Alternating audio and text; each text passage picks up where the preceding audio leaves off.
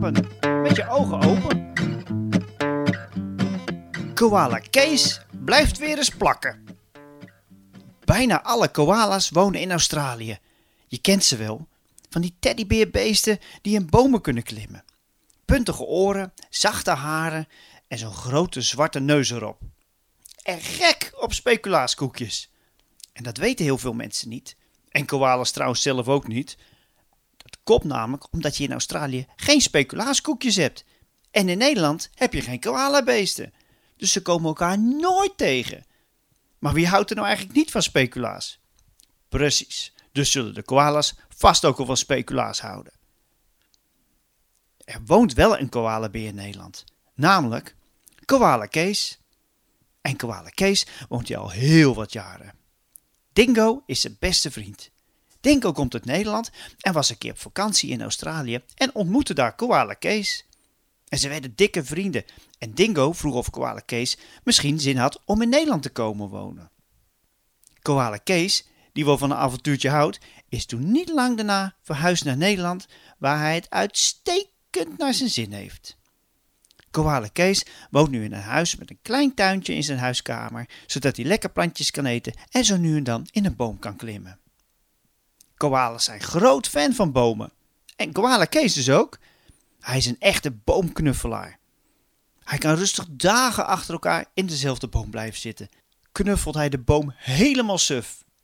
Dat kan makkelijk, want Koala Kees heeft daar alle tijd voor. Hij is echt een plakkerd. Uren, dagen, misschien wel een week blijven hangen in de boom. Kijken wie het knuffelen als eerste zat wordt: de boom of de koala. Sommige mensen in de buurt vinden Koala Kees maar een raar beest. Knuffelen met bomen, dat is wel wat vreemd. Maar dan kan Koala Kees helemaal niks bommen. Bomen zijn lekker warm en zacht. En bomen zijn nu eenmaal goede knuffelaars. Net als Koala Kees. Je vraagt je natuurlijk af wat zo'n koala de hele dag in een ander land, zoals Nederland, doet. Nou, dat kan van alles zijn. Maar vooral veel in bomen hangen. Of thuis of op straat. En Koala Kees gaat vaak naar de kapper. Hij groeit haar uit zijn oren en dat vindt hij super vervelend.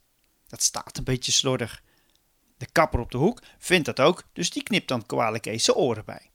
Even bijpunten, Kees? vraagt de kapper dan, als hij een ommetje naar de kapperswinkel maakt. Ach, waarom ook niet, denkt Koala Kees en dan huppelt hij naar binnen voor een knipbeurt. Koala Kees is vandaag ook weer naar de kapper geweest. De oren zijn weer netjes op orde. En vanmiddag gaat hij op verjaardagsbezoek bij Dingo, zijn beste vriend. Koala Kees houdt al van verjaardagen. Vooral koala verjaardagsfeestjes. Wist je dat koalas hun verjaardagsfeestje altijd vieren met twee taarten? Eén om hun hoofd in te duwen en de tweede om op te eten. Dat eerste vinden koalas nou eenmaal leuk om te doen. En lekker.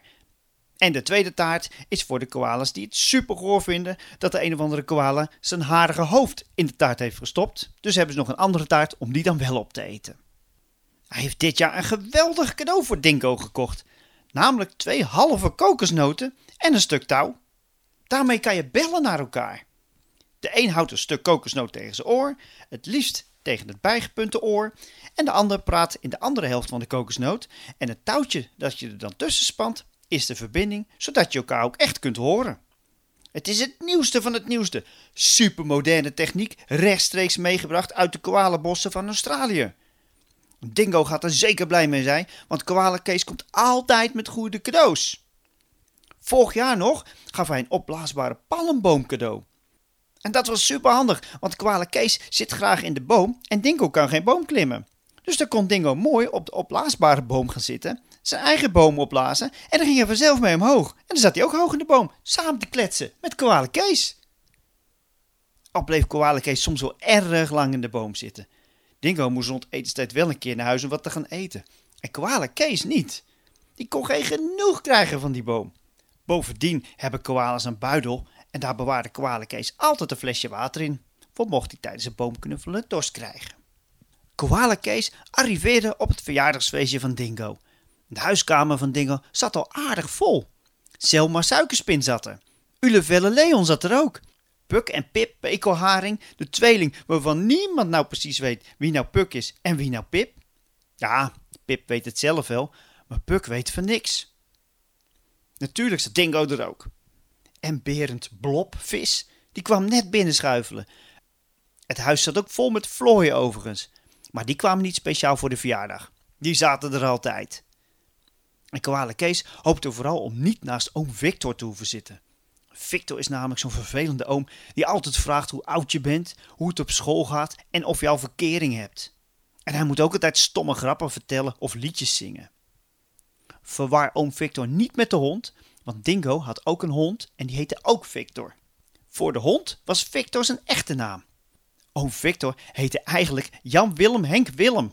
Maar zijn vrouw vond dat hij een hoofd heeft om Victor te heten en niet Jan Willem Henk Willem. Dus dat werd Victor.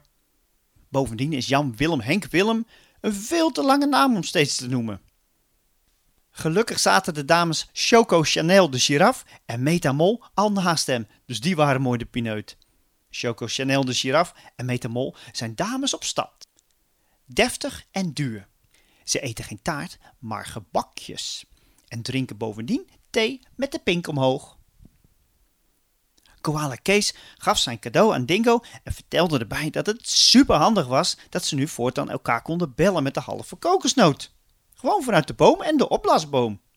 Vooral als Dingo naar huis moest om te eten en Koala Kees besloot nog een paar dagen in de boom te blijven hangen. Dat Koala Kees niet tegen een lege opblaasboom aan bleef kletsen.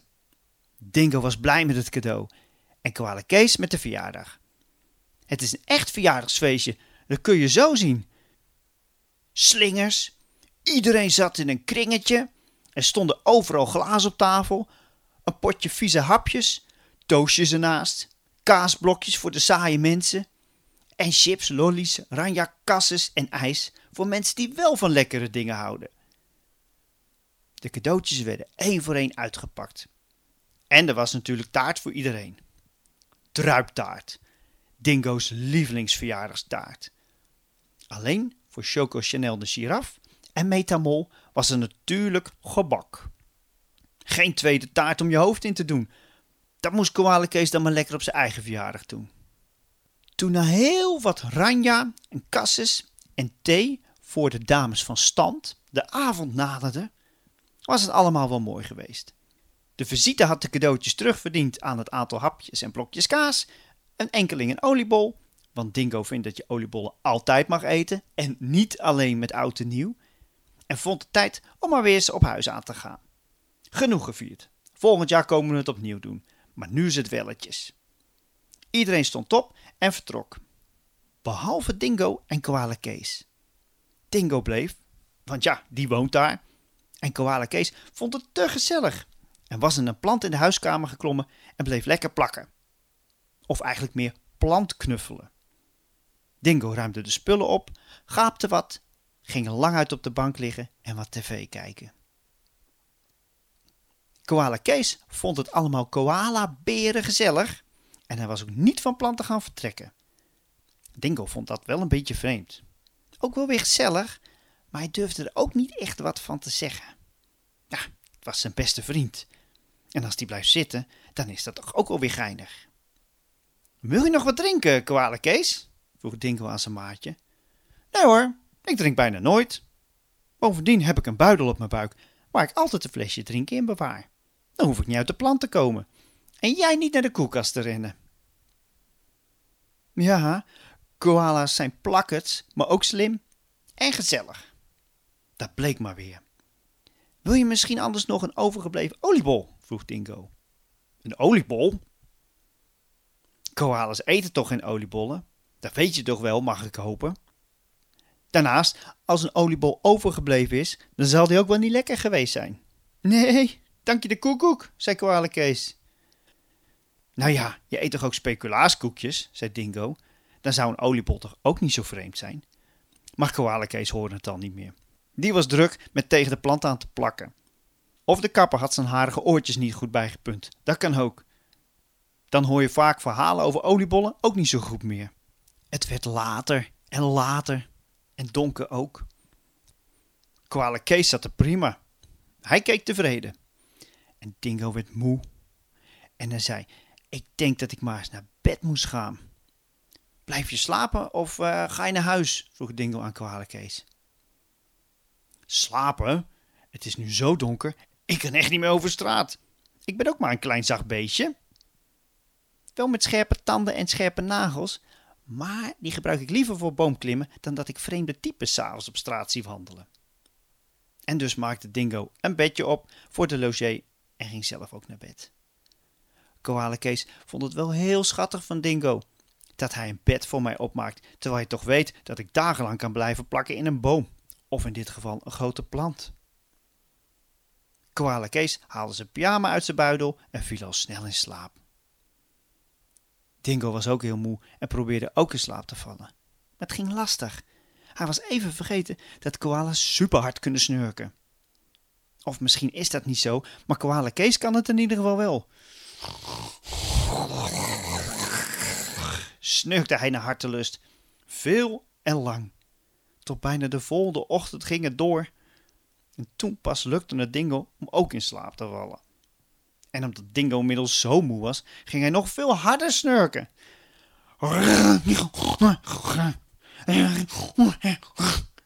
Vervelend zeg, dacht Koala Kees.